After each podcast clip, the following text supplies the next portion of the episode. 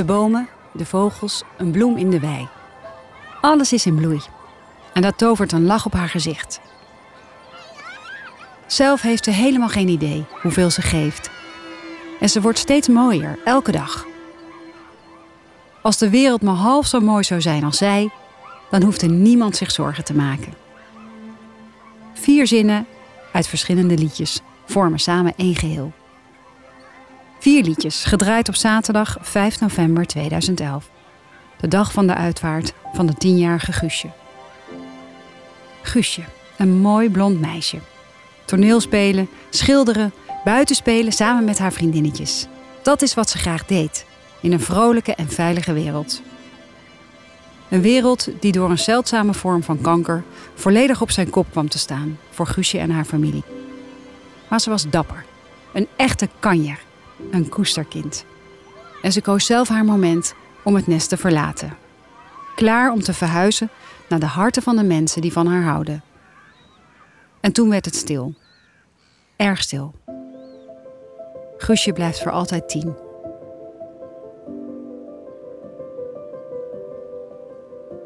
Ik ben Wendy van Dijk en samen met Louis, de papa van Guusje, kijk ik terug op haar leven.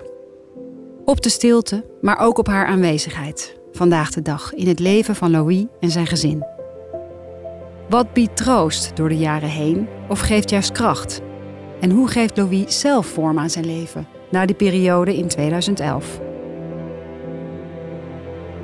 Dit is het levensechte verhaal van Guusje.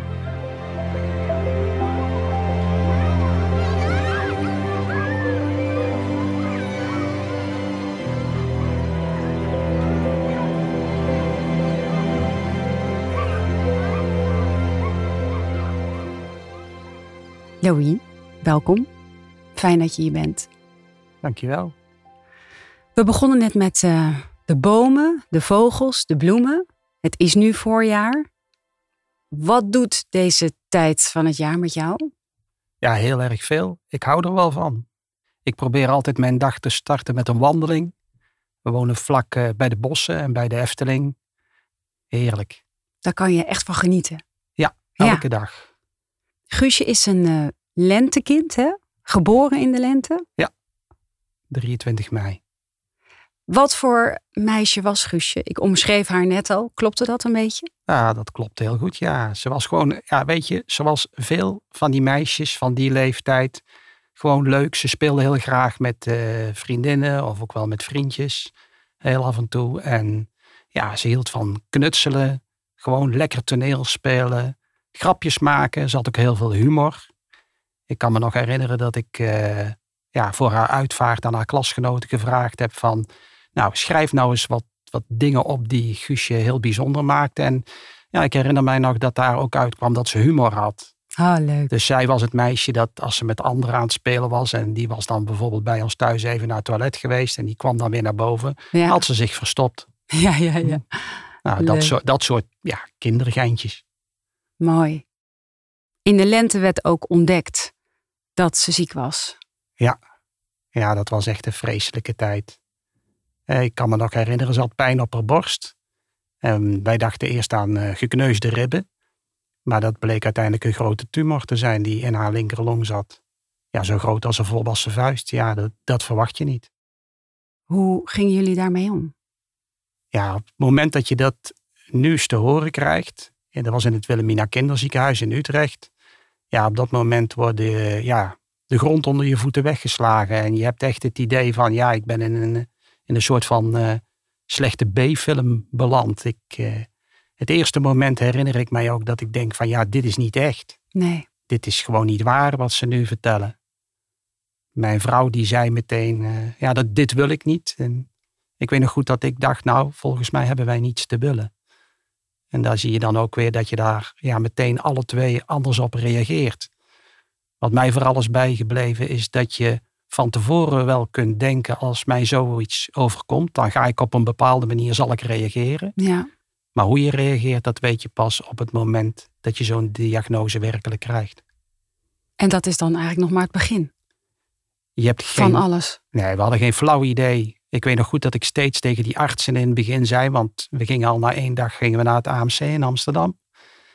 En dat ik steeds zei van, ja, hoe lang gaat het duren? En die zeiden niets. En die keken alleen maar.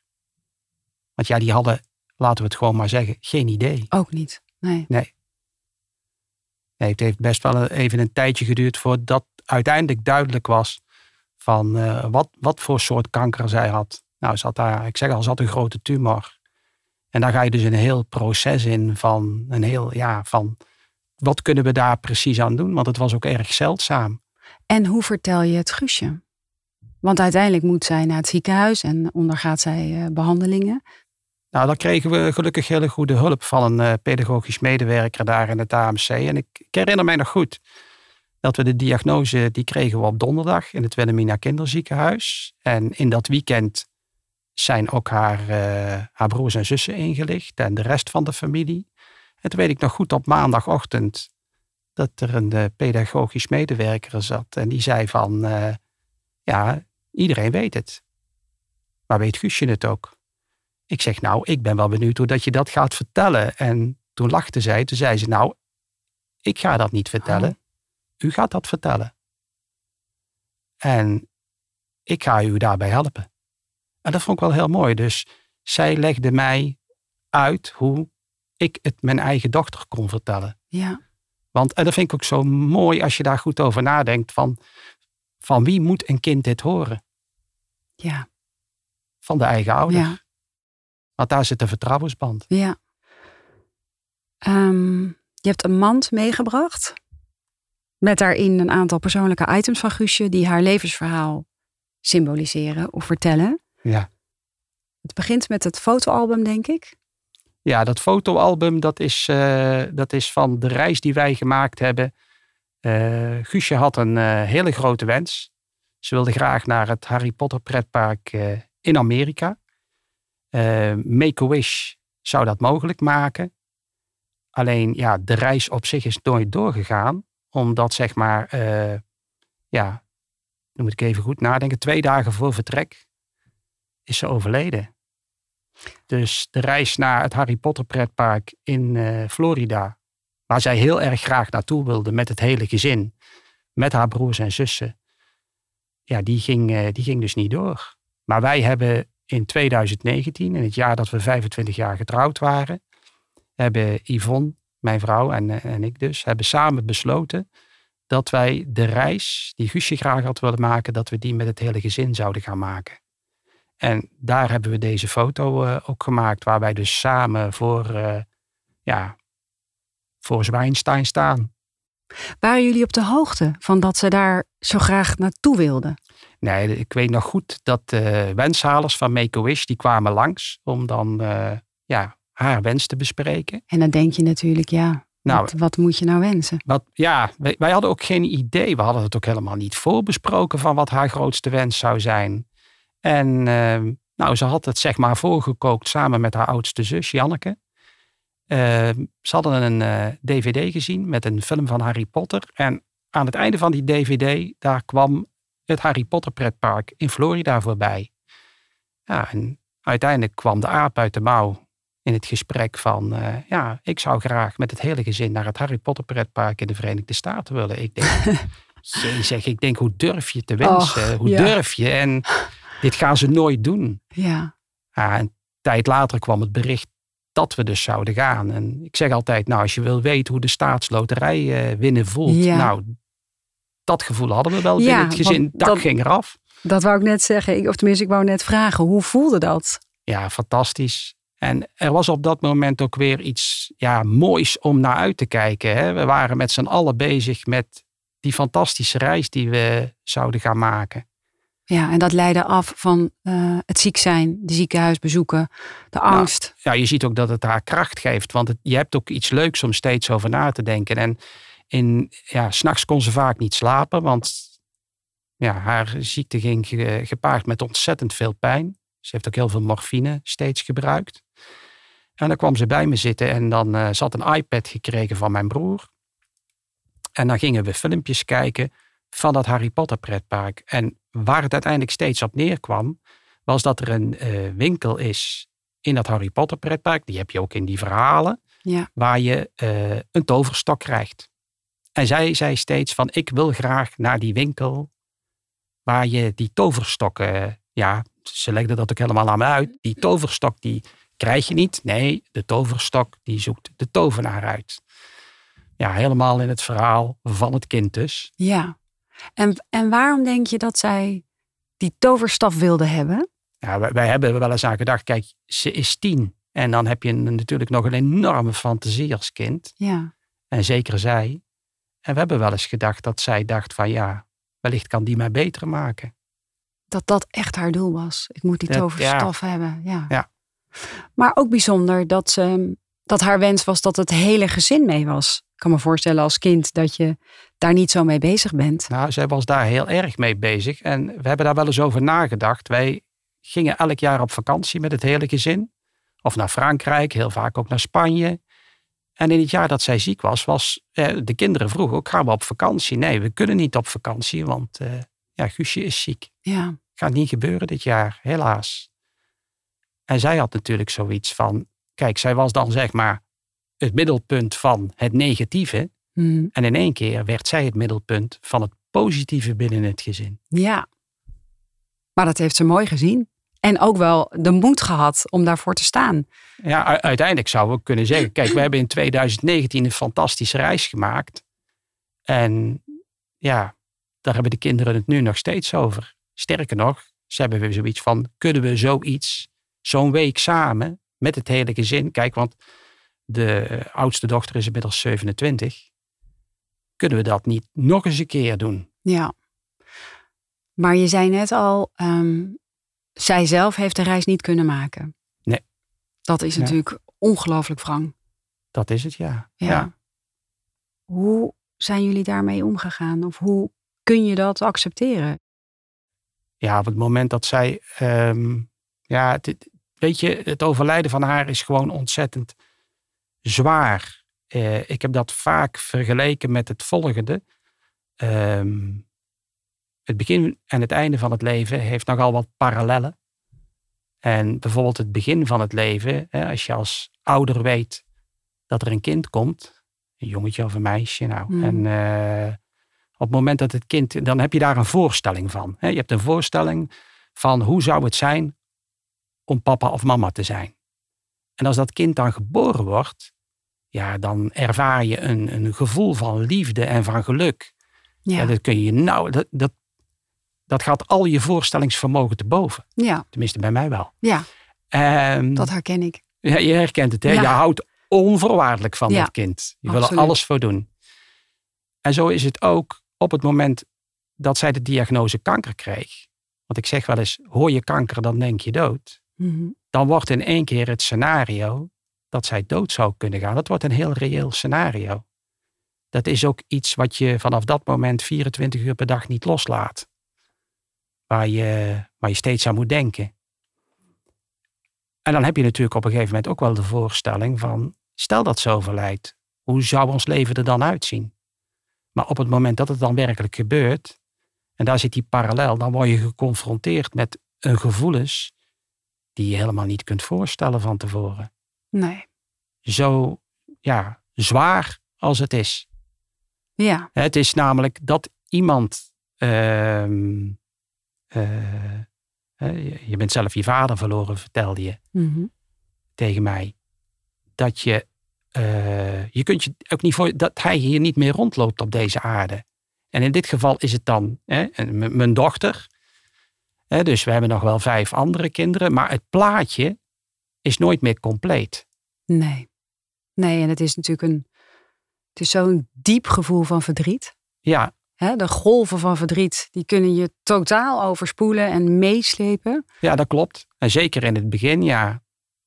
Dan zijn die, eh, het gaat met pieken, eh, of meer met dalen, laten we het zo zeggen, met Ja. enorme dalen. Ja, En die, eh, ja, het verdriet kan je echt over, overspoelen, inderdaad, en beklemmen. je vertelde net ook dat ze ging niet mee. ehm, dat, hè, dat, dat mocht niet zo zijn. Nee. Uh, maar de toverstaf, die heeft haar wel bereikt. Ja, de toverstaf heeft haar wel bereikt, want dat was heel bijzonder. Hè. We hebben eh, voor het overlijden natuurlijk ook, ja, op een gegeven moment, ze is zondags overleden. Het was vrijdag en toen uh, besloot Yvonne om, make, om contact op te nemen met Make-A-Wish. Van ja, wij zullen niet op reis gaan. Want het was ook de dag dat wij het gesprek met de artsen hadden. En dat de artsen bijvoorbeeld tegen mij zeiden van... Uh, ja, je moet haar toestemming geven om te overlijden. Wat ook heel, heel bijzonder is natuurlijk. Hè? Nou. Een kind wil namelijk altijd ook bij de ouders blijven. Net zoals de ouders het kind bij zich willen houden. En ik heb toen tegen haar gezegd van... Ja, uh, schat, als, als het niet meer gaat, dan gaat het niet meer. En wij zullen altijd van je houden. En, uh, oh, dat vind ik altijd een moeilijk gesprek. Ja, zo. ja. En, dat is uh, volkomen logisch. En uh, toen was het zaterdag. En zaterdagavond melden zich toch in één keer twee vrijwilligers van Make-A-Wish. Die ehm, ja, ik ook meegenomen heb naar haar kamer. En die hadden een, uh, een toverstaf bij zich. Van Harry Potter. En dat was natuurlijk wel fantastisch. Ik heb niet tegen haar gezegd, hier zijn twee vrijwilligers. Ik zeg, nee, hier zijn... Ik heb twee tovenaressen meegenomen voor jou. Hmm. En kijk eens wat ze bij zich hebben voor jou. En ik zie haar nog kijken op dat moment zo van, oké, we gaan dus niet naar het Harry Potter pretpark. Dat is dan heel dubbel, lijkt me. Ja. Aan de ene kant ben je misschien blij dat je haar die toverstaf kan geven, maar het is misschien ook meteen gewoon een hele harde boodschap geweest voor haar. Ja, maar het is wel heel goed. Ja. Het is heel goed, weet je, er was geen weg terug. Ze had een bloeding gekregen. Haar buik zat vol met bloed. Uh, het lichaam was op. En ja, dan kan je de, de parallel met Harry Potter trekken. Mhm. Van die op een gegeven moment aan het einde van, ja, van al die verhalen. Eigenlijk ook in een wereld komt, ja, de wereld na het leven.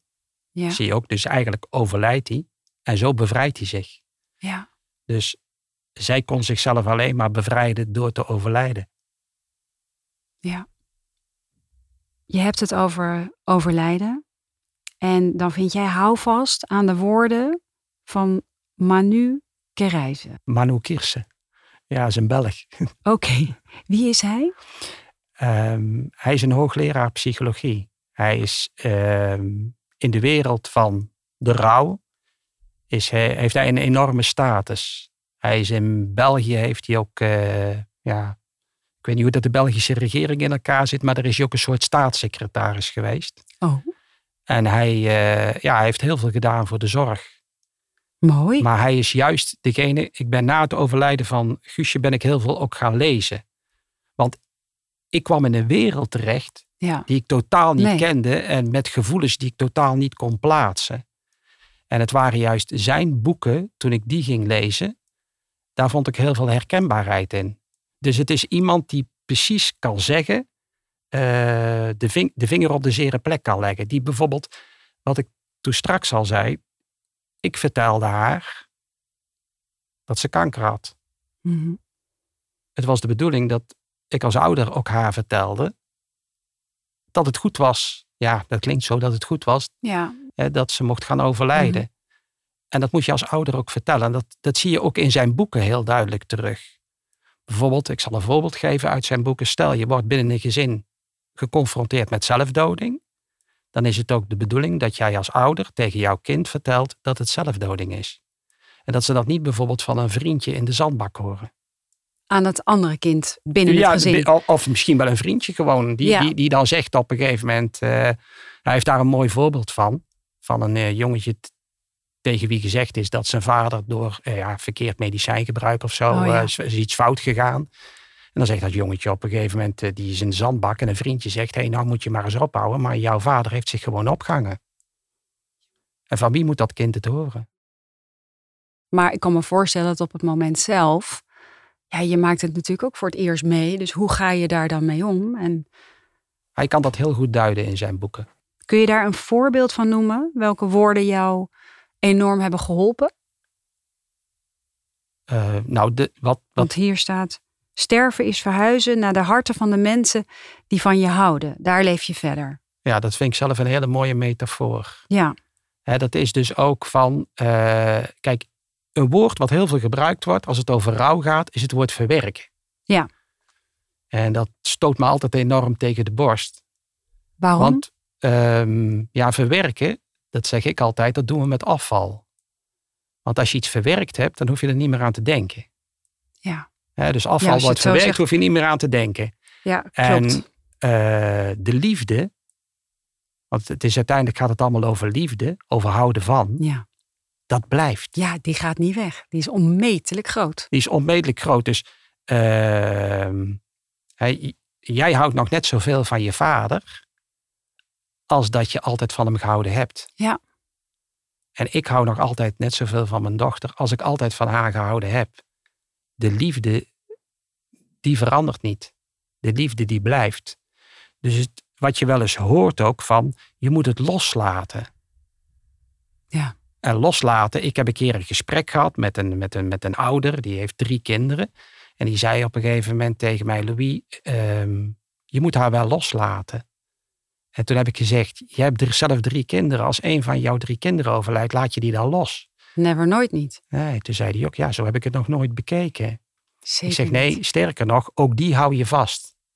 Net zoals al je andere kinderen Maar dat, dat, je er vast precies, dat is toch ook heel mooi. Ik bedoel, Ja, de, de, de liefde die is zo dichtbij. Ja. Die, die zo onmetelijk groot. Die blijf je voelen om je heen.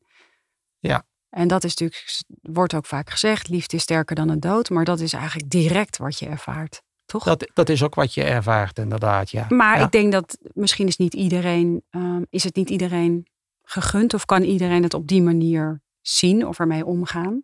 Dat klopt. Om bezig te zijn met de liefde en niet met de dood. Of de stilte of het verlies of de pijn. Ja, die pijn die is er. Ja, Kijk, ik kan zelf eh, nog steeds erg geraakt worden door eh, liefde tussen mensen. Zeker als het rondom een overlijden is. Ik hoor wel eens mensen spreken tijdens een uitvaart bijvoorbeeld. En dan kan mij dat enorm eh, ja, raken, Ja. inderdaad. ja, En dan raakt het ook nog wel eens aan mijn eigen gemis. dat snap ik. Wat zit er nog meer in de mand? Ja, we hebben daar de rouwkaart. Ja, Die heb ik meegenomen. Ja, die, eh, daar staat een. ja, de afbeelding die erop staat, dat, zijn, eh, dat is een boom. Dat is bij ons eh, ja, in de Loonse en Duinen. Daar is die foto gemaakt. En dan zie je de, ja, de vijf broers en zussen. Die hangen heerlijk in de boom. En Guusje zit onder op een eh, tak. Omdat ze de boom niet meer in kon. En dit is, dit is eigenlijk een hele pijnlijke foto. Maar het was toen zij overleed. Want zij ja, ze overleed toch plotseling. Hè, Mhm. Want we waren van plan met Make Ja. a Wish weg te gaan. En in één keer neemt alles een andere afslag. Dus dat moest allemaal, eh, allemaal snel geregeld worden. En toen kwam Yvonne, mijn vrouw, die kwam met deze foto. En die zei, deze foto die wil ik graag op de kaart. Want die symboliseert wel, ehm, ja, die symboliseert heel veel. Eigenlijk een beetje hoe ze uit het nest gevallen is. ja, precies. En daarnaast ligt nog een kaartje. Ja, dat is een kaartje dat wij gestuurd hebben vijf jaar na het overlijden. En daar staat op, eh, zonder Guusje is alles anders. Want dat is ook zo. Als binnen een gezin, denk ik, een kind overlijdt, dan is daarna ook werkelijk alles anders Ja, dan daarvoor. En we hebben dat kaartje gestuurd naar iedereen met wie wij ons verbonden voelden.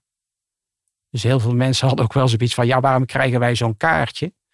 Ja, weet je, je wil dat graag, je wil dat gewoon graag delen. ja, En ik zeg wel eens, ik denk ook dat het belangrijk is dat je voor je gemis blijft zorgen. En je kunt het eh, vergelijken met een wond. En een wond, die heeft ook warmte, zorg en liefde nodig. En is dat dan alleen binnen het gezin dat je dat nodig hebt? Of Ik denk iedereen, doe je ook een beroep op de mensen om je heen? ik denk dat, eh, ja, dat, dat is ook zo, zoiets moois. Ik, ik hoor heel vaak na een overlijden, hoor ik vaak zeggen, eh, sterk. Of zeggen mensen tegen andere mensen, het is fijn dat jij zo sterk bent. En terwijl het juist vaak heel moeilijk is om sterk te zijn. En je kunt je ook zelfs afvragen of dat die opmerking, of dat je daarmee mensen echt helpt. Wat, wat, Want- helpt, wat helpt je dan? Want ja, wat helpt me- je dan? Ja, ik ja, kan me goed voorstellen dat ja. mensen hè, in de omgeving, er is natuurlijk ook nu de campagne van Sieren, van eh, we moeten gewoon, eh, praat niet eh, om de dood heen. Ja, Maar het is heel lastig, denk ik ook wel, voor mensen die het niet hebben meegemaakt. Of je kan er wel een voorstelling van maken, maar Ja, ja. je weet het nooit echt. Dus wat, wat- moet je zeggen? Waar heb je behoefte aan op dat ja, moment? ja, dus je kunt zeggen van sterkte, of waarmee je ja, zoiets zegt in mijn optiek als wees sterk. Maar wat mensen nodig hebben is troost. En dat is liefde en aandacht aan warmte van de mensen om hen heen. Dus dat zij gewoon een luisterend oor bieden. Of gewoon vragen, hoe gaat het met je nu? Ja, want dat durf je bijna niet, hè? Ja, of, Tegen iemand te of, zeggen. Of gewoon vragen van, eh, hoe gaat het met het grote gemis? Ja. Of hoe ben je de afgelopen dagen doorgekomen? Gewoon heel direct. Gewoon heel direct vragen. En het gaat ook niet om dat jij antwoorden gaat geven. Het gaat erom dat je luistert. Hoe hebben jullie dat als gezin gedaan? Want hoe is die periode vlak na het, het overlijden? Hoe zou je die periode willen omschrijven? Ik vond het een. eh, ja, ik heb, ik, heb een, ik heb ook boeken meegenomen en eh, we houden hier vast. Dat gaat over de periode na het overlijden. Heb je zelf geschreven? Ja, ja. En daarin, eh, dat bestaat ook uit een aantal delen. En het eerste deel, dat heet ook, net na het overlijden, dat heet ook In een roes. Ik had ook echt het gevoel alsof we in een, in een roes leefden. En er gebeurden ook wel eh, grappige dingen. Want 30 oktober, nou en daarna is het weer 5 december. Ja. En Yvonne en ik, wij vonden dat Sinterklaas moest doorgaan. Dus wij hadden ook eh, cadeaus geregeld voor de kinderen. En die hadden we gekocht.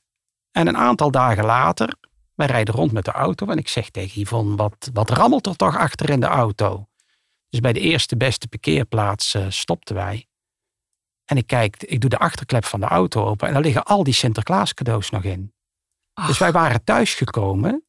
En in plaats van dat we ze ergens boven hadden verstopt of bij de buren hadden afgegeven. Ja. Wij leefden compleet, eh, ja, als een soort zombies zeg ik wel eens. ja. Gewoon in een roes. Eigenlijk wordt er ook verwacht dat je twee dagen na het overlijden weer aan het werk gaat. Ja, daar gaat men tegenwoordig wel wat anders mee om. Maar je hebt echt heel veel tijd nodig. Ja. Dus ook als je aan het werk gaat, Mhm. dan heb je gewoon mensen om je heen nodig. Bij wie je ook af en toe je verhaal eens kunt doen. En die bijvoorbeeld ook begrijpen als het dan eens een keer niet gaat, waarom dat zo eh, werkt. Want het omgaan met het gemis, dat heeft gewoon tijd nodig.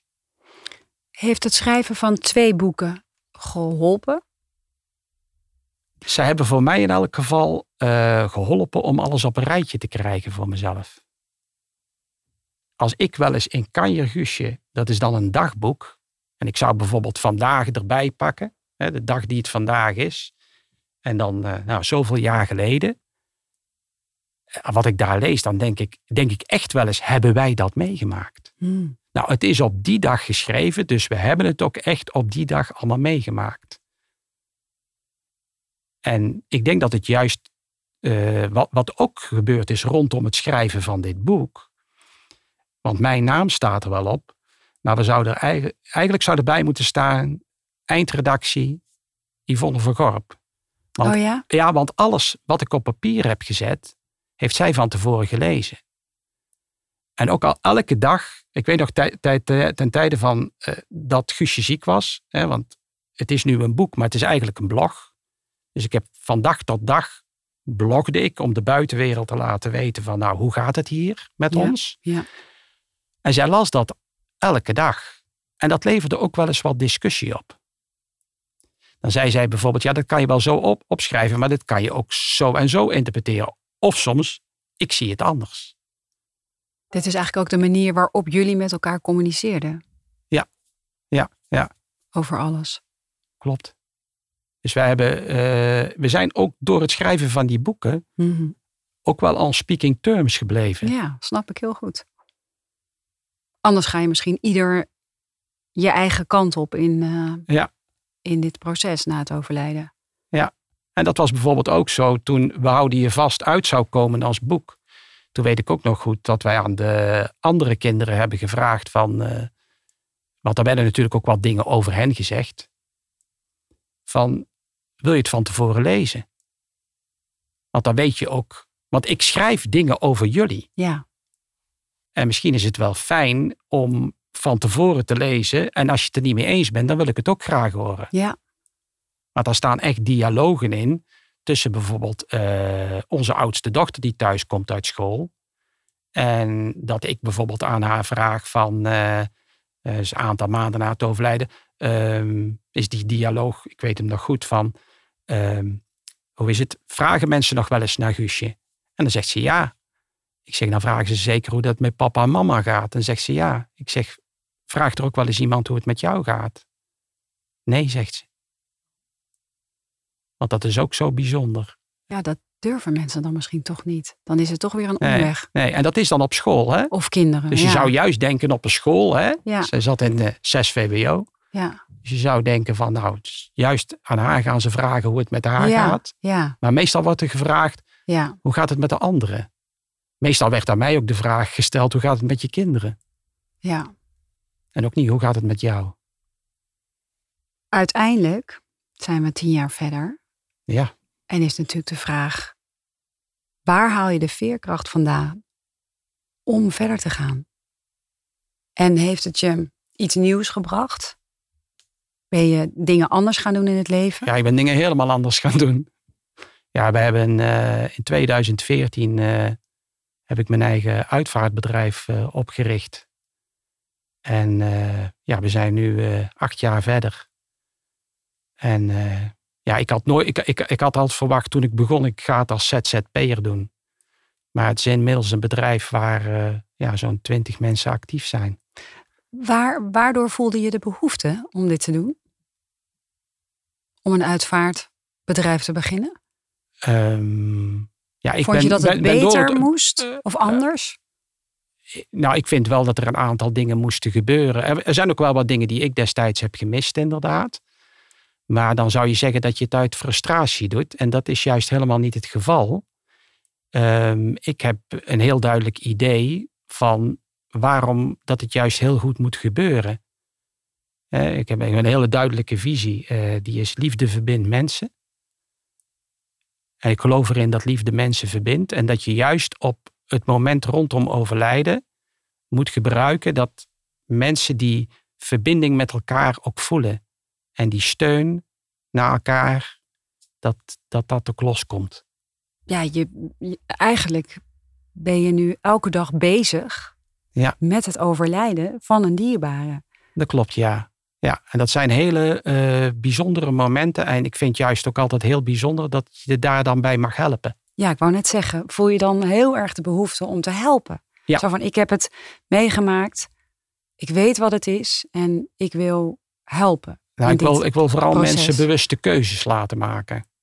Dus soms is het wel heel snel van we gaan het zus en zo doen. Dus heel vaak in die gesprekken als uitvaartverzorger, dan zeg ik ook van ik ga jullie allerlei vragen stellen, maar dat is vaak niet mijn persoonlijke mening. Maar ik ga jullie vooral laten nadenken. Of datgene wat, wij, wat je nu, hoe je afscheid gaat nemen. Je gaat afscheid nemen op een manier dat die ook bij jullie past. En dat die ook goed voelt. En dat je, eh, wat ik merkte namelijk na het overlijden van onze dochter, dat Ja. als er iets fout, eh, in gesprekken met andere ouders met name, dat als er iets mis was gegaan rondom die uitvaart, dat dat heel erg diep zat. Ja, Dat bleef dan altijd ook zo'n ja, zo'n ding. En juist om ervoor, te- je moet er juist voor zorgen dat je, dat je ook heel bewust en goed afscheid kunt nemen. En ik vind het juist, ja, ik vind het juist altijd heel fijn om te mogen doen. dus niet bang voor dat verdriet, Nee, voor die niet. enorme, dat wat je zelf niet wist, dat gat waar je in ging vallen. Ja, Hè, de golf van verdriet wat je continu over je heen voelt, daar ben je dan niet bang voor om dat weer aan te gaan, elke dag opnieuw bijna. nee, je kunt mensen ook duidelijk maken dat dat gaat komen. Dus ik heb wel eens een man gehad, dit was zijn vrouw twee weken van overleden, die zei, Golleby, wat een, wat een verdriet. Uh, hoeveel weken gaat dit nog duren? Of zo, of hoeveel dagen? En ik zeg, nou, ik heb slecht nieuws voor je. Dit gaat nog erger worden. Ja. Maar uiteindelijk, het klinkt wel zo, dan kun je zeggen dat is een, dat is een dooddoenende opmerking. Nee, maar het is nee, maar juist je opent het gesprek. Precies. Je opent het gesprek Ja. en eh, je, kunt, je kunt anderen, ja, denk ik, tot steun zijn. Wat is voor jou de grootste les geweest hierin? Of die je kunt meegeven? Heeft, is het per persoon verschillend hoe je hiermee omgaat? Nee, er zijn, wel, zijn wel een aantal dingen die denk ik heel belangrijk zijn. En dat is ehm, het, het leren omgaan met het gemis, zo noem ik het maar. De tijd leert je omgaan met het gemis. En dat heeft, ik zeg al de tijd, en dat heeft vaak veel meer tijd nodig dan je denkt. Hoeveel tijd zou je zeggen? Ik denk dat het bij ons eh, ja, toch een aantal. eh, eigenlijk, ja, ik zeg wel eens, het is nog steeds een proces inderdaad. Want ik kan nog steeds heel erg geraakt worden. Ik merk soms dat het gemis zo dichtbij is, inderdaad. Ja. Dat zit zeg maar net onder de huid. Mijn broer heeft wel eens gezegd, als ik dan eh, uit het niets na jaren eh, zo'n gevoel van gemis krijg en ontzettend hard moet huilen, dan zei hij, ik denk dat hij dan heel dichtbij is. Ja. En dat je, wij zien natuurlijk niet alles, maar op een soort van energetisch niveau, Ja. probeer het zo te zien. Waarom moet je ineens heel hard huilen? Weet je, waarom voel je ineens de kippenvel en dan zo erg het verdriet? Misschien is die wel juist super dichtbij. En dat vond ik eigenlijk wel een hele fijne, geruststellende gedachte. Nou, dat is een mooi gevoel. Ja, Ehm, ik denk dat het fijn is geweest bij ons dat we ook mensen om ons heen hebben gehad. Die ons gesteund hebben. Ehm, dat we dat als gezin ook proberen zo goed mogelijk te doen. Want ik, ik weet niet of dat wij het echt goed hebben gedaan. Ging dat een beetje geleidelijk op? Is er een moment geweest, zeg naar zeg zes, zeven jaar of zo, dat je opstaat en dat je je iets lichter Nee. voelt of zo? Nee, het is iets wel, de tijd leert je ermee omgaan en het proces gaat verder. eh, of het leven gaat verder. En wat ik heel mooi vind binnen ons gezin, is dat ze altijd zeggen, eh, bijvoorbeeld het is weer eh, bijna 23 mei. Wat gaan wij doen? Dat is heel belangrijk. Dat is haar geboortedag. En rondom de dag van overlijden, 30 oktober. ehm, ja, wat gaan wij doen? En dan gaan we altijd iets doen als gezin. We staan dus ook heel bewust stil bij zo'n dag. Dat betekent niet dat je bijvoorbeeld eh, de een die. eh, dat is ook wel mooi om de verschillen in de kinderen aan te geven. Er zijn er bij die op zo'n dag gewoon naar school zijn gegaan. En er zijn er ook wel eens bij die op zo'n dag eh, heel bewust thuis blijven. Ik denk dat het ook belangrijk is. Hè, ze zeggen al van. We doen die dagen samen, dus blijf voor het gemis zorgen.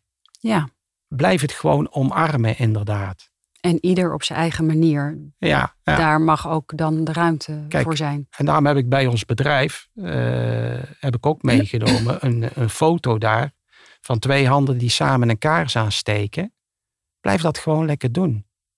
Wij steken nog heel vaak samen een kaarsje aan. En dan zijn we samen in gedachten verbonden met Guusje. Mooi. Welke boodschap heb je voor de luisteraar? De boodschap die ik heb is eigenlijk wat ik net zei. Blijf voor het gemis zorgen. Dus wees ook niet bang. Want misschien denken mensen wel, we gaan het er niet over hebben. Want dan gaat worden we heel gaat verdrietig. er, er is niks zo erg voor mensen van wie hun partner overleden is. Die dan bijvoorbeeld drie of vier weken daarna naar een verjaardag gaan. En dat de naam van hun overleden partner niet genoemd wordt. Het doet mijzelf altijd denken dat ik bij een gezin kwam. En die hadden een hond.